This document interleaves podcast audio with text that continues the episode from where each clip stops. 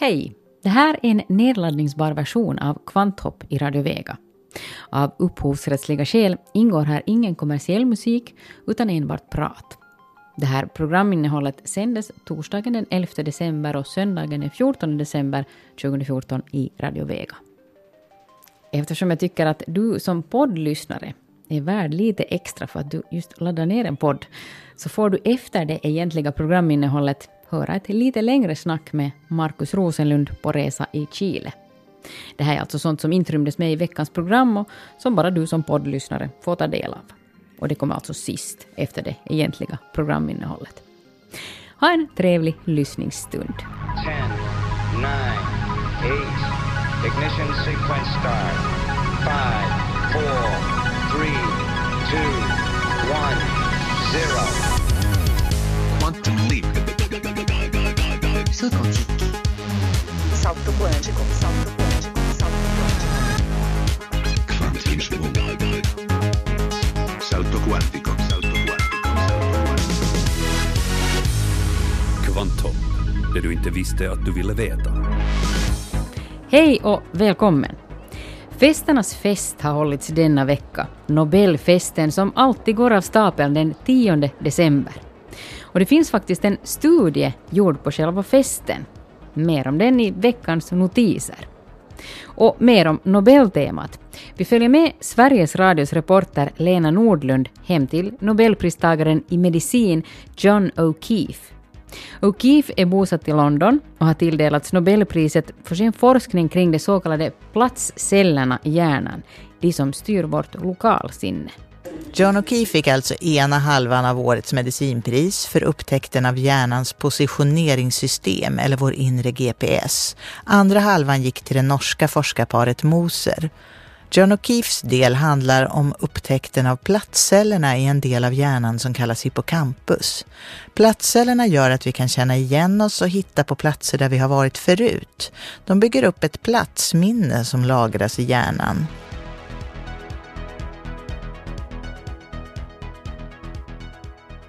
Så kallade smarta glasögon har det börjat talas om de senaste åren. Google har till exempel tagit fram ett par som har kamera och internet och med vilka du å ena sidan kan surfa på nätet utan att använda händerna och å andra sidan publicera på nätet allt som glasögonen ser. Vilket förstås har gjort folk nervösa. Men nu utvecklas det också programvaror som gör att den här typen av smarta glasögon kan bli ett hjälpmedel för olika människor till exempel autister som har svårighet med att tolka ansiktsuttryck. Med glasögonen på kan de bättre se hur folk omkring dem reagerar och med vilka känslor.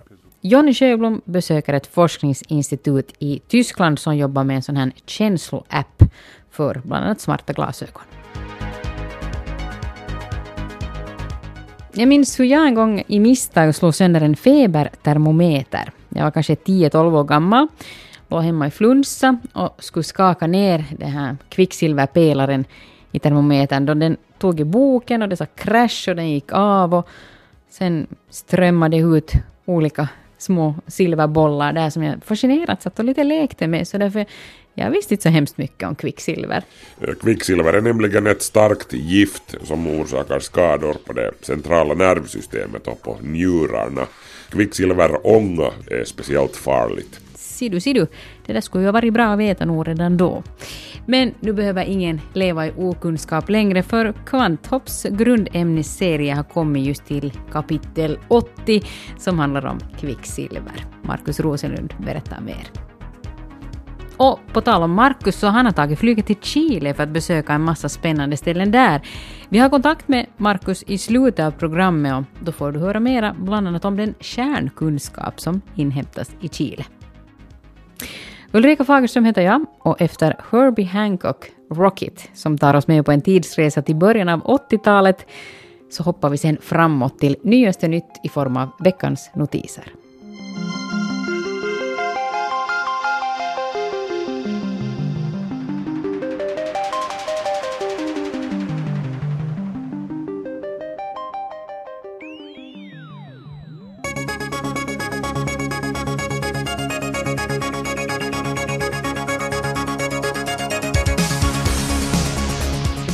Ja, på onsdag kväll hölls den stora Nobelfesten och inför den kunde vi läsa om medieforskaren Hillevi Garnets som genomfört en studie på fenomenet Nobelfesten.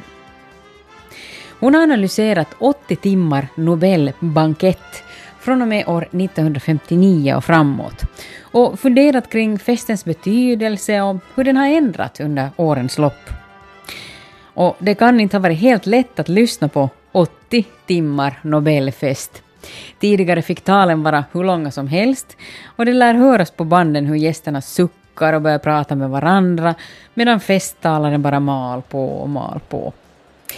Det var i slutet av 1980-talet och början av 90-talet som Nobelfesten utvecklades till den mediahändelse den är idag. Menyn började hållas hemlig för att skapa ett överraskningsmoment. Talen begränsades till 3 till 5 minuter och överlag anpassades galan till att passa TV-mediet. Kring pristagarna byggs det ofta upp en bild av den ensamma hjälten, vetenskapsmannen, geniet det vill säga ett manligt geni. Kvinnliga pristagare är så pass mycket mer ovanliga att de av medierna ofta placeras i kategorier som den goda mamman alternativt lite tokig tant, säger Hillevi Garnets. Som kuriosa kan till sist nämnas att nobelpristagare brukar hamna högst upp på önskelistan hos en amerikansk spermabank och att tre nobelpristagare faktiskt har tjänstgjort som spermadonatorer. Nu ska innehållsdeklarationerna på livsmedelsförpackningarna under lupp. Eller ja, det är just det som man inte ska behöva göra. Från och med 14 december behöver teckenstorleken på förpackningarna vara tillräckligt stor, det vill säga minst 1,2 millimeter. Också det hur man beskriver saltmängden i ett livsmedel ska förändras. Hittills har man bara behövt nämna den tillsatta mängden salt, men från och med nu ska den totala saltmängden anges. Och det här kan ha betydelse i sådana fall där livsmedlen av naturen innehåller natrium, till exempel mjölk och kött. Det kan alltså komma att se ut som om salthalten i vissa produkter har ökat, men det är alltså bara presentationssättet som har förändrats. Depression är ju ett folkhälsoproblem och allt som kan göras åt det är ju hemåt. Nu meddelar svenska forskare att de har sett ljus i tunneln på ett lite nytt sätt. Den snabbaste vägen ut ur en depression kan vara så enkel som att bli medveten om hur man känner, utan att ens försöka ändra på de känslorna. Och en metod för att göra det här kan vara mindfulness, på svenska översatt med medveten närvaro. Enligt de svenska forskarna kan mindfulness vara lika effektivt som mer traditionella terapiformer och kan vara en lösning för den offentliga vården som ju sällan kan erbjuda konventionell terapi åt lika många som skulle vara i behov av den. Enligt studien kunde gruppsessioner med en utbildad mindfulnessinstruktör vara lika effektiva som klassiska terapisessioner en och en. Och till sist, i takt med att vi lagrar allt mer data elektroniskt så behövs det nya metoder för att hitta den informationen. I Sverige har man nu på gång ett nytt projekt för att utveckla nya sökmetoder. Det är högskolorna i Borås och Skövde som jobbar med det här. Som bäst tar man fram en prototyp som gör en effektivare sökfiltrering. Istället för att få miljontals träffar på en sökning på nätet så gör den här prototypen att svaren delas in i olika teman, vilket gör det lättare att överblicka materialet.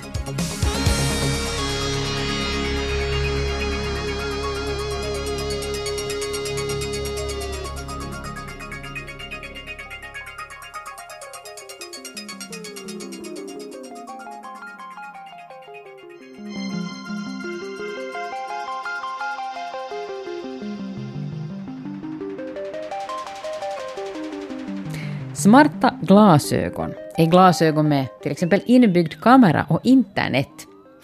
Vissa av dem kan filma allt som kommer i glasögonbärarens väg och i realtid publicera det på nätet. Google har jobbat fram ett par sådana smarta glasögon, men det finns fler. Vad allt glasögonen ska kunna användas till finns det många funderingar om. Ett exempel är att du kan surfa på nätet och använda elektroniska kokböcker utan att kladda ner hemelektroniken. Andra kommentarer gäller hur glasögonen inkräktar på folks privatliv, just i och med att de kan filma allt som glasögonen ser. Men nu lyfts det upp också andra användningsändamål, till exempel att de smarta glasögonen kunde bli ett hjälpmedel för autister. Jonny Sjöblom i Tyskland har besökt ett forskningsinstitut som utvecklar en programvara, en känsloapp, som kan kombineras med smarta glasögon. Also hier sehen Sie mal einen Demonstrator von unserer Shore-Software. Shore steht för Sophisticated High Speed Object Recognition Engine. Sure heter programmet och den här måndagsmorgonen är programvaran definitivt inte min vän. Jetzt schauen wir mal, jetzt steht hier auch noch das Alter angegeben. Das ist äh, vielleicht wenig schmeichelhaft jetzt. es ist ein bisschen über das Ziel hinausgeschossen. Programmet försöker uppskatta min ålder och resultatet är inte värst smickrande. Det kan hänga på ljuset och på lamporna i rummet, försöker programutvecklaren Jens-Ove Garbas trösta mig med. I vilket fall som helst så befinner jag mig på forskningsinstitutet Fraunhofer i staden Erlangen. Det är här som man har utvecklat Shore och Jens-Ove Garbas berättar vad man kan göra med programvaran. Das ist also eine Software, die in der Lage ist, Gesichter zu detektieren und äh, diese Gesichter zu analysieren. Und was Programmet kan känna igen och analysera ansikten för i praktiken vilket medium som helst. Det kan vara allt från en dator till en mobiltelefon till Googles glasögon. Med informationen vi får fram kan vi i realtid bestämma en persons kön, ungefärliga ålder samt närmare uppgifter om personens känslor och humör. Die Software erkennt auch ähm, Ihren Gesichtsausdruck. Ne? Wenn Sie lachen beispielsweise, dann sollte hier dieser Happy-Balken hochgehen. Ne? Und dann sieht die Software eben, okay, Sie sind äh, gerade sehr fröhlich. När du skrattar borde det hända något med lycklighetsbalken här på skärmen. Programmet är utrustat med balkar som visar om personen i bild är arg eller glad, ledsen eller överraskad, säger Garbas. Utvecklandet av Shore-programmet började redan år 2004 och sedan några år tillbaka är programmet också i praktisk användning. Det används i det här skedet främst inom reklam och av marknadsforskare. Ähm, stellen Sie sich vor, Sie haben ein Geschäft oder eine ganze Kette von Geschäften, dann interessieren Sie sich dafür, wer geht denn da rein und raus in meinen Laden. Ne? Zu welcher Zeit habe ich viele junge Kunden in meinem Geschäft oder viele alte Kunden? Har man till exempel en butik eller butikskedja vill man gärna veta vem som besöker ens butik och när. Är det kvinnor eller män, unga eller gamla? Das Ganze funktioniert so, dass wir ein Verfahren ähm, des maschinellen Lernens verwenden. Das heißt, För att programmet ska kunna identifiera personers känslor har vi ett register på över 30 000 foton. Programmet jämför ansikten med de kategoriserade fotona i databasen och på så sätt gör programmet sin bedömning, säger Garbas. A vending machine that senses when people are near. Uses groundbreaking facial recognition to tell your age, gender, and crucially, if you're smiling. Fraunhofers programvara kan också sättas in i kontakt mellan människa och maskin, där maskinen kan reagera på personen som använder den. En glasstillverkare använde för en tid sedan programvaran i marknadsföringen av sin glass. Den som låg tillräckligt brett framför firmans glassautomat fick sin glass gratis. Men programvaran kan också komma till större nytta än när man delar ut gratis glass. Som bäst försöker man få någon att börja marknadsföra och sälja programmet som en app till Googles glasögon. ähm, die kann unter Umständen auch als Hilfsmittel benutzt werden von Leuten, die bestimmte Defizite haben. Denken Sie mal an Autisten beispielsweise oder Leute. Då kan programmet fungera som ett hjälpmedel för till exempel autistiska personer. Med glasögonen på kan de bättre se hur folk omkring dem reagerar och med vilka känslor. Det kan göra de sociala kontakterna och kommunikationen lättare, säger Jens-Ove Garbas. Googles glasögon har kritiserats för att de kränker den personliga integriteten. Blir inte situationen då ännu värre av att de också utrustas med ett program som avslöjar folks känslor? Wichtig ist es in dem Zusammenhang zu sagen, dass ähm, die Software, ähm, die wir hier auf die Brille gebracht haben, es nicht zulässt, Personen zu identifizieren. Das heißt, Programmet kan inte identifiera vem det handlar om. Det är anonym data, så det är aldrig möjligt att säga att det är just den och den som känner sig si och så. Informationen sparas inte och den överförs inte heller till något system utanför glasögonen. Det skyddar förstås privatsfären och sen är det ju upp till användaren att se till i vilket sammanhang glasögonen används. Im Moment entwickeln wir sehr stark ähm, hinsichtlich äh, in die Richtung einer noch genaueren Emotionserkennung.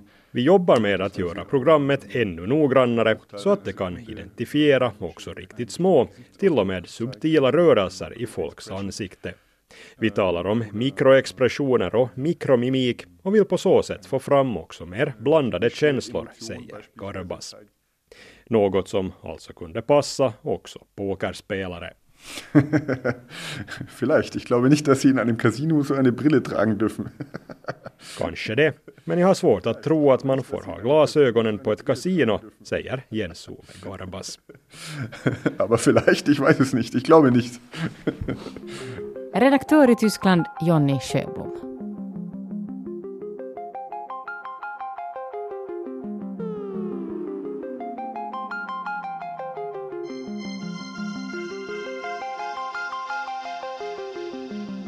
Denna vecka är ju Nobelvecka och vi ska ta och bekanta oss med en av pristagarna. Det blir hjärnforskaren John O'Keefe som fick ena halvan av Nobelpriset i medicin för upptäckten av hjärnans positioneringssystem, det som vi har brukat kalla för lokalsinnet. Sveriges Radios Lena Nordlund hälsade på i hans hemstad London. Now we're in Gower Street. Ah, and it's starting to rain a little bit. Absolutely. So would you know where the anatomy building is? The, well, the anatomy it would be part of the Darwin building.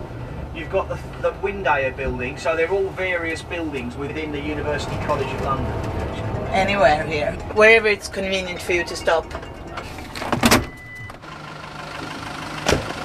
Thank you! Taxichauffören som släpper av mig här på Gower Street i London heter Derek O'Reilly och vi ska träffa honom snart igen.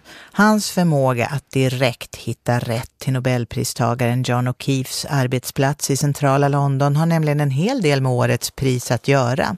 Upptäckten av det som kallas vår inre GPS eller kartbok. Nervcellerna bakom lokalsinnet. Several times of this every day is enough of exercise, I guess. Hi there. Hello. Nice to meet you. Pleased to meet Come you. on in. Come on in. Do you take the stairs every day? Yes.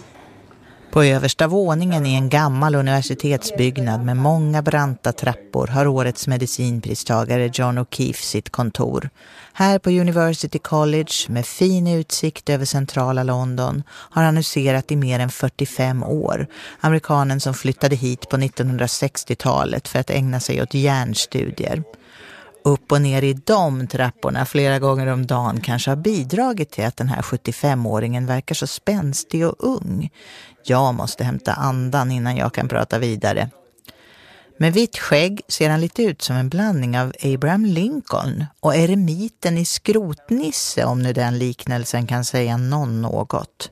Ledigt klädd, slipsen hänger på en krok bakom dörren tie hanging. Yes, in case I need a tie. Should I put a tie on? No, it's okay. it's okay. John O'Keefe fick alltså ena halvan av årets medicinpris för upptäckten av hjärnans positioneringssystem eller vår inre GPS. Andra halvan gick till det norska forskarparet Moser. John O'Keefes del handlar om upptäckten av plattcellerna i en del av hjärnan som kallas hippocampus. Plattcellerna gör att vi kan känna igen oss och hitta på platser där vi har varit förut. De bygger upp ett platsminne som lagras i hjärnan. När jag kom hit nu för att träffa John O'Keefe tog jag in på ett hotell där jag bodde för mer än tio år sedan. Men sedan dess har jag varken varit på hotellet eller i de här stadsdelarna. Men ändå, när jag kom upp från tunnelbanan kände jag vagt igen mig och kom ihåg hur entrén låg in på en sidogata och att receptionen låg till vänster, en trappa upp. Och ett par kvarter därifrån kände jag också plötsligt igen mig vid en affär som sålde stickade kläder Och då poppade minnet upp av den blå fina lammullströjan jag köpte där för länge sedan.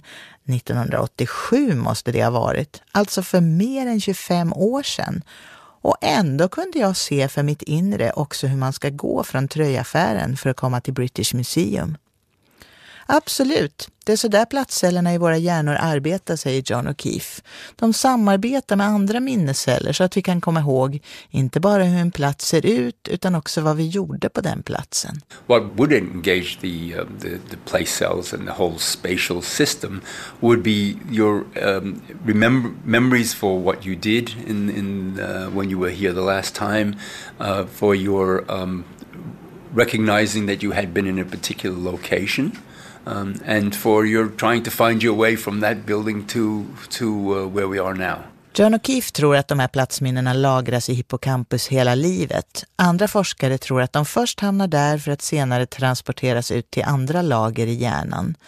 Men att vi inte hittar eller känner igen oss på platser trots att vi varit där förr behöver inte betyda att minnena är borta, bara att vi har problem med att plocka fram dem. It may get harder and harder to, um, to actually get them because of course you not only have to have the memories but you have to have a mechanism for finding them and uh, it may get as time goes on it may get harder to do that och där finns det förstås också individuella skillnader som gör att somliga är bättre på det här än andra. Som taxichauffören Derek O'Reilly som körde mig hit.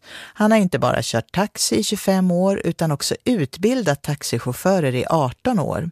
För Londons licensierade taxichaufförer, alltså de som kör de klassiska taxibilarna, har alla behövt gå den där krävande utbildningen för att lära sig 25 000 gator och 50 000 intressanta platser i London. The knowledge som det kallas. Hos Derek O'Reilly sitter den inre kartan fastetsad och när jag frågar vad han kan säga om till exempel Gower Street där John O'Keefe jobbar, ja då kommer ett sånt här svar. Um, we've got the Institute of Weights and Measures on the west side of Gower Street. Then as we come down Gower Street, we've probably got half a dozen hotels that are located within the street itself. We've got the uh, Royal Academy of Dramatic Arts head office in Gower Street. Um, we've got Bonham Carter House on Gower Street. Um, as we progress down, we come into Bedford Square where we've got the Institute of Architecture. We've also got the Embassy for the Turkish Republic of Northern Cyprus. If we then turn into Bedford Square and into Adeline Place, we've got Bedford Avenue. Det tar liksom inte slut, han bara rabblar på. If we leave the St Giles Hotel and we turn right onto Tottenham Court Road and we take our first left, which is Stephen Street, on our right we have the British Film Institute. London-taxichaufförerna har också nämnts i beskrivningarna av årets medicinpris. Det hänger ihop med flera spännande studier som en av John O'Keefes kollegor gjort, Eleanor Maguire.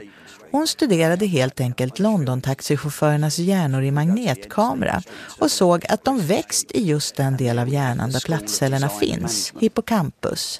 If we turn right we have a pub called the Builder's Arms.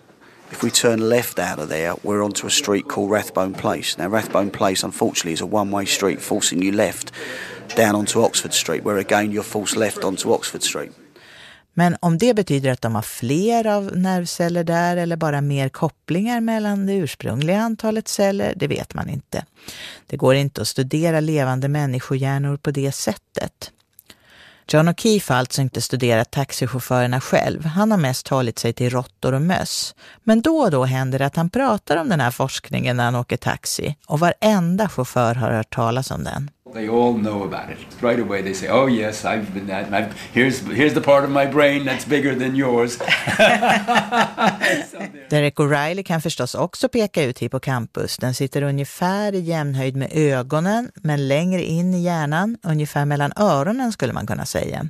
Men för att det ska bli lättare för honom använder vi oss en karta han känner till bättre. Vi tänker oss att centrala London är ett tvärsnitt av hjärnan, pannloben i öster, nackloben någonstans bortåt Wembley i väster och nedre delarna av hjärnan hamnar i Brixton i söder. Ja, då hamnar hans hippocampus på ett mycket symboliskt ställe. I believe this is the hippocampus would be down over here somewhere. Down here where the park is. Yeah, or almost here. Yeah, Buck the, where Buckingham Palace. Buckingham Palace, yeah. So Buckingham Palace is my hippocampus. Du lyssnar på Vetandets värld som idag handlar om John O'Keefe som fick halva Nobelpriset i fysiologi eller medicin i år för upptäckten av plattcellerna i hjärnan. Han kom till London 1967 när han var 28 år och just hade doktorerat inom psykologi på McGill-universitetet i Montreal. Från början var han egentligen intresserad av att studera minnet lite mer brett. Det som kallas episodiska minnen, minnen av händelser man varit med om, när, var och med vem man gjort något. Vardagshändelserna i våra liv helt enkelt. Det var ganska nytt då att hippocampus var viktigt för just den här sortens minnen. Så John O'Keefe ville helt enkelt se om man kunde hitta nervcellsaktivitet i hippocampus hos råttor som fick göra olika minnesuppgifter. Men de försöken gick inte så bra. Actually wasn't quite sure what a memory cell would look like. We did look at um, some simple memory tasks to see if we could activate the cells in the hippocampus uh, and more or less failed. So what we did then was say, well, let's just watch the animals while they're going about their daily business uh, and see if we can find anything which the cells are interested in. När de lät råttorna bara strosa omkring utan plikter i sina burar såg de plötsligt att en speciell nervcell signalerade varje gång en råtta passerade en viss plats i buren och när den passerade en annan plats signalerade en helt annan cell i hippocampus. Cellerna som aktiverades var alltså det som kom att kallas plattceller, viktiga för att vi ska kunna hitta. Genom att gå runt i buren skaffade sig råttan helt enkelt en inre karta i huvudet, en karta som sedan lagras i minnet. Och det är för upptäckten av dem 1971 som John O'Keefe nu får Nobelpriset. Han säger att det fanns ett sånt där aha-ögonblick när han faktiskt förstod att det kanske var något stort.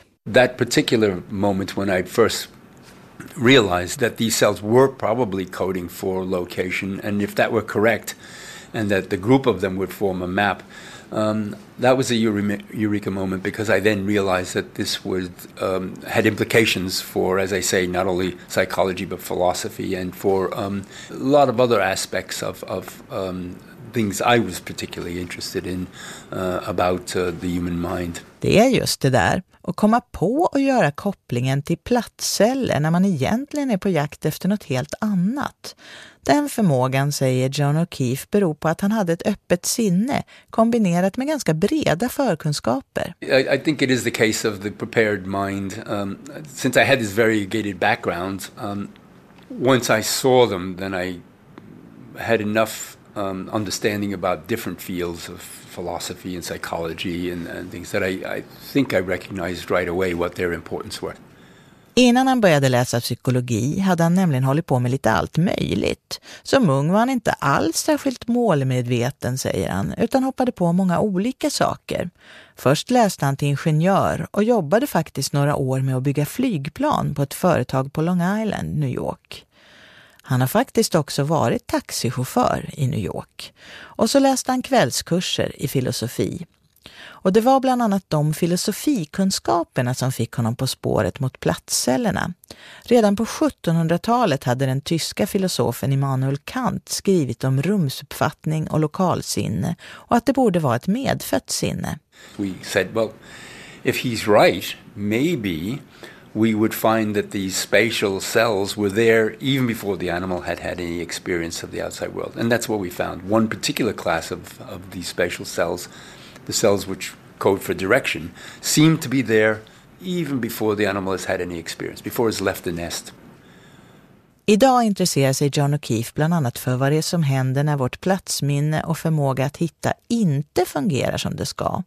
Vanligt vid flera av hjärnans sjukdomar, till exempel Alzheimers sjukdom. We're very interested in that um, and it, it's one of the first things that starts to go wrong um, in, in, in patients who are um, beginning to succumb to the disease. Eftersom det är ett av de första problemen som brukar dyka upp vid Alzheimers sjukdom kan det vara intressant för att kunna få fram tidigare diagnosmetoder, tror han. Och i musmodeller av sjukdomen, möss med en sorts variant av Alzheimers alltså, har de sett att just plattcellerna fungerar dåligt. They provide very little spatial information to the rest of the brain about where the animal is. So a typical cell would be able to localize the animal within a very small region of an environment. Whereas in these animals, some of the cells, but not all of the cells, they fire or become active over a much larger area. And what that means is that the animal is less certain about where it is in an environment than it would otherwise be. Um, and it turns out that this correlates with their ability to solve spatial memory tasks. De här svagare platscellerna är inte lika exakta, som att den inre GPSen inte pekar ut en punkt utan en större yta. Då lyckas musen inte hitta dit den ska. John O'Keefe säger att den där dagen när han kom platscellerna på spåren nog är hans lyckligaste forskardag. Och jag ber honom visa labbet där han gjorde det då för 43 år sedan. Men det rummet är numera skrivrum för hans doktorander. This lady wants to know where place cells were discovered. In this room? Right there. There? Yeah. Right there? Right there where. Yeah. You're on hallowed ground. I ett annat rum visar han mig labbuppställningen som faktiskt är ganska lik den som användes 1971, även om mätmetoderna och apparaterna förstås har blivit modernare och förfinade. Men fortfarande får råttorna springa runt i trälådor uppkopplade med elektroder i hjärnan. What you can see is different shaped boxes. You can see a set of curtains. I'm famous for inventing the curtains. Oh, it looks like a stage or yeah, yeah, a so dark what, stage. Yeah, so yes, I'm not sure Round stage. So what I needed to do is I needed to Runt lådorna är det mörka draperier så det liknar en liten teater eller en råttcirkus. Det var här det norska paret Moser som han delar priset med lärde sig metoden som de sedan utvecklade och använde till sin Nobelprisupptäckt. Här i labbet trivs John O'Keefe och han har tillbringat många kvällar här med råttorna. En vanlig dag innan han blev Nobelpristagare brukar han gå upp 6-7 och jobba några timmar hemma. Sen hit till jobbet, han bor nära så det går fort. Och sen när den egentliga arbetsdagen brukar vara över för de flesta blir det nästan alltid några timmar ensam på labbet till tio, ja, ibland till midnatt faktiskt. I alla fall de kvällar som han och hans fru inte har något annat inbokat. De gillar att gå på teater till exempel. Men han är en riktig labbänkskemist, säger han, och tycker om att göra också allt det praktiska själv. Up until recently, in which I've been a bit taken away from the the uh, laboratory work. Um, I've done all of it myself. I've uh, done uh, I've done the uh, the implants to to uh, place electrodes into animals' uh, brains, and I've recorded from them myself and analyzed the data. Um, I sometimes get help from my students. They can do things a lot quicker than I can. Um, if, for example, uh, the data analysis requires writing new programs. So I, I do ask them to help me, but I try to do as much of it as I can myself. Självklart är John O'Keefe glad över att ha fått Nobelpris, men just den här delen tycker han är riktigt jobbig. Att han inte hinner med sin forskning och de rutiner han har haft under så många år. Det brukar ju Nobelpristagare säga, men i John O'Keefes fall ligger det nog lite extra i det. För han har alltid hållit sig undan offentligheten. Innan han blev Nobelpristagare fanns det till exempel bara tre bilder av honom på internet, påpekade en av hans studenter. Nu är de oräkneliga. Och det är jobbigt att folk nu känner igen honom på stan, tycker han. I think that's one of the downsides of it, I have to say. I've, I've never courted fame and I've never been uh, terribly interested in, in it. Uh, in fact, I'm not even sure I understand why people want to be famous. So, um, yeah, it's. Uh, I, I'm sure it dies down after a couple of months. Yeah. Does it? Does it? Lugnar det ner sig, frågar han lite vädjande. Jo, det gör det väl så småningom, men först ska det bli ännu lite värre. Just den här veckan är uppståndelsen kring Nobelpristagarna som allra störst. Taxichauffören Derek O'Reilly hoppas nog också att John O'Keefe, the gentleman in question som han säger, snart ska få tid att forska igen, för han hoppas på framsteg inom Alzheimerforskningen, en sjukdom han förlorade sin pappa i. Uh, well, I'm very, very pleased that the the studies have been recognised. Um, I'm hopeful that the decisions or to award the the, the gentleman in question um, leads on to bigger things because obviously um, with an ageing population, Alzheimer's is, is a, an acute problem. Um, unfortunately, I lost my own father to the illness, so it's something I am very interested in. From a taxi driver's perspective, I think the skills that they develop are often underrated. Um, people will often say, oh, he's only a taxi driver. But if you look at the volume of studying that these guys are having to do to achieve their target, it is easily the equivalent of a master's degree. Left Bedford Avenue, right Tottenham Court Road, left Howland Street, forward New Cavendish Street, left Marylebone High Street, right George Street, right Montague Square, right Montague Place, set down on the left for the Swedish Embassy. Taxichauffören Derek O'Reilly hoppas på att priset ska innebära en statushöjning för Londons taxichaufförer. Det var Sveriges Radios Lena Nordlund som hade träffat medicinpristagare John O'Keefe.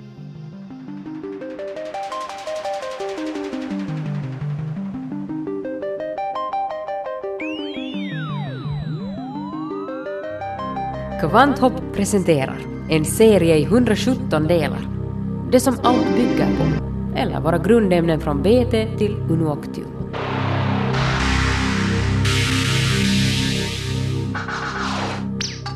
Atomnummer 80, kvicksilver, kemiskt tecken HG, vilket är en förkortning av latinets hydroargentum som betyder flytande silver. Plinius den äldre kallade det också för argentum vivum, levande silver med andra ord. För det påminner ju om silver i vätskeform. De gamla morarna i Spanien brukade ha kvicksilver i små dekorativa bassänger Europas största kvicksilvergruva i Spanien, Almaden heter den, var i bruk redan på romartiden.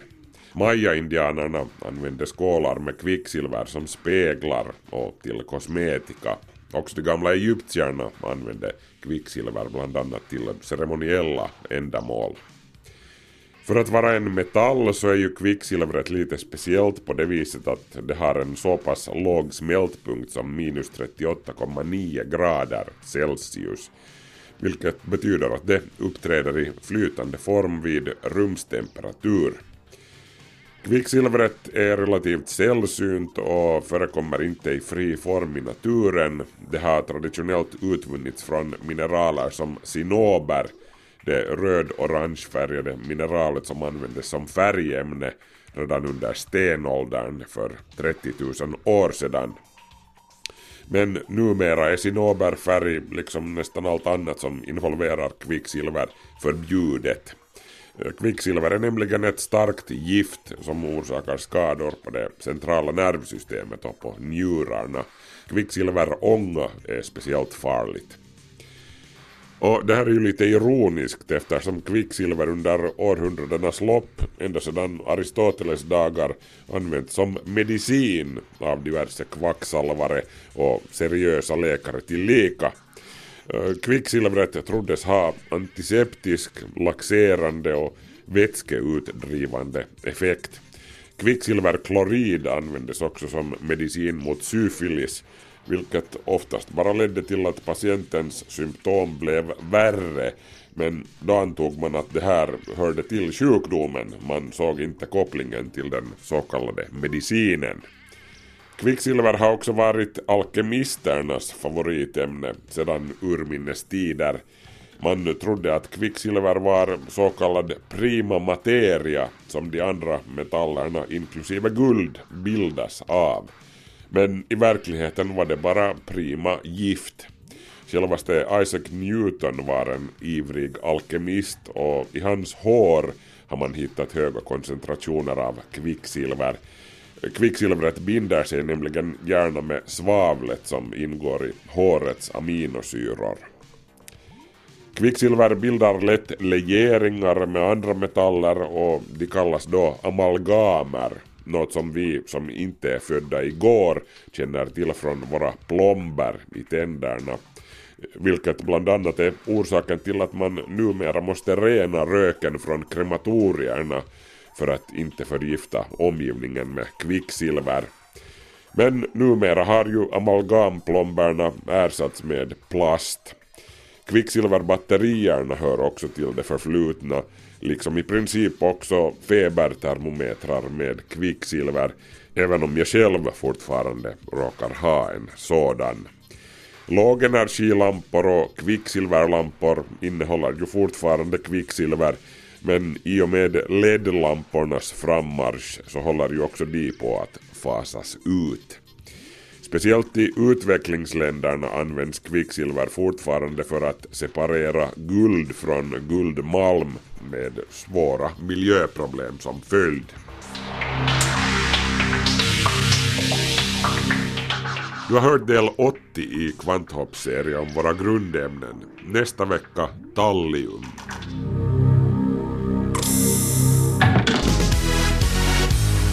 Kvanthopp, det du inte visste att du ville veta. Kvanthopp är nästan slut för idag, men jag lovade ju att vi skulle höra av Kvanthopp-redaktören Markus Rosenlund på resa genom Chile. Och nu till sist några ord med honom. Jag får tag på honom per telefon precis då han kör genom öknen på väg till ett av resmålen.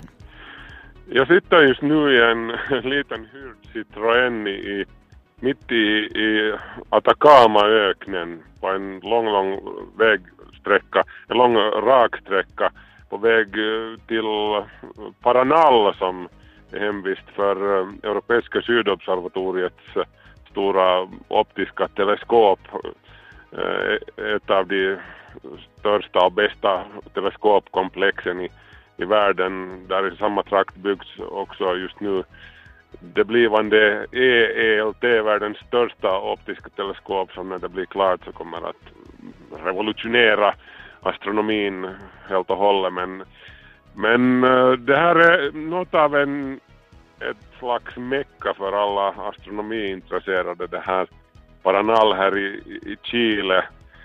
Orsaken till att man har placerat en massa teleskop mitt ute i öknen är just den att luften är så torr här, det, det är ganska högt över havet och det här är alltså en av världens torraste trakter, om inte rent av den torraste. Här har inte regnat på 400 år på riktigt på, på vissa ställen.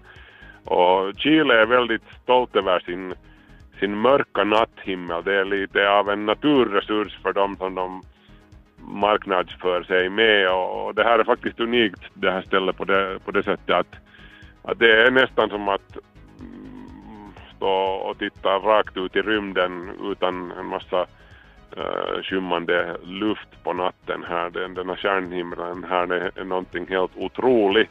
Och därför har man alltså byggt de här enorma teleskopen här mitt ute i, i öknen. Det sa Markus Rosenlund mitt i öknen i Chile. Och han är tillbaka nästa vecka med en mängd historier och intervjuer. Under tiden kan du titta på hans fina foton på Kvanthopps Facebook-sida.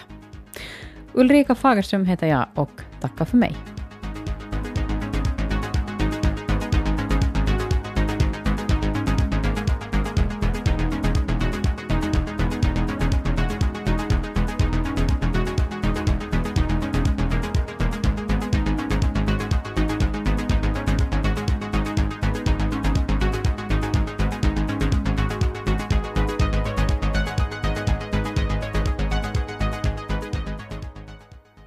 Nåja, och här då lite extra material för dig som lyssnar på den här podden.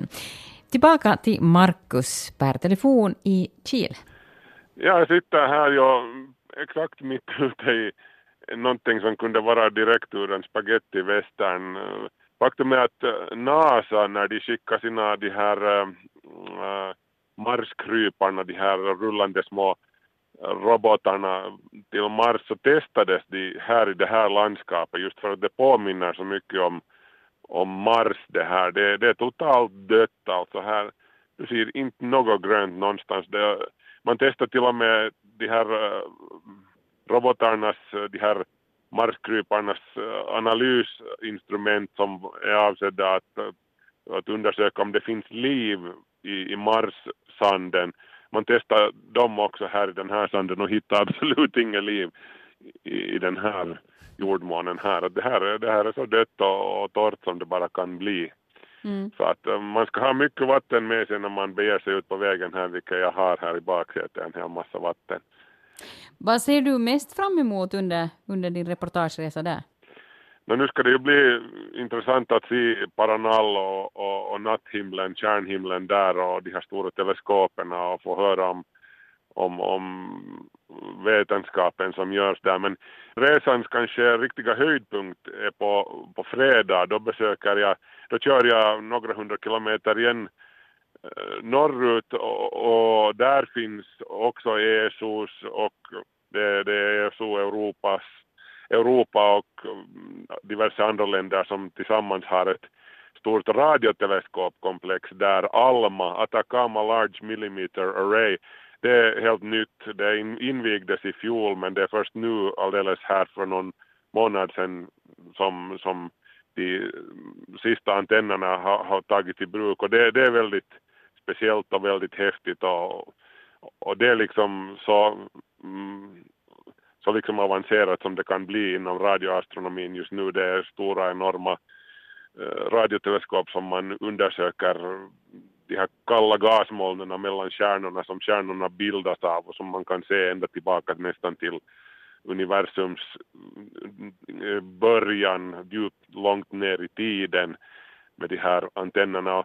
Det, det ska bli speciellt intressant för att de här, det här Alma-komplexet det ligger på 5000, alltså mer än fem kilometers höjd över havet så det ska bli väldigt spännande att åka dit upp och luften där är ju så tunn att vi kommer att måste ha syrgasflaskor med oss. Alltså.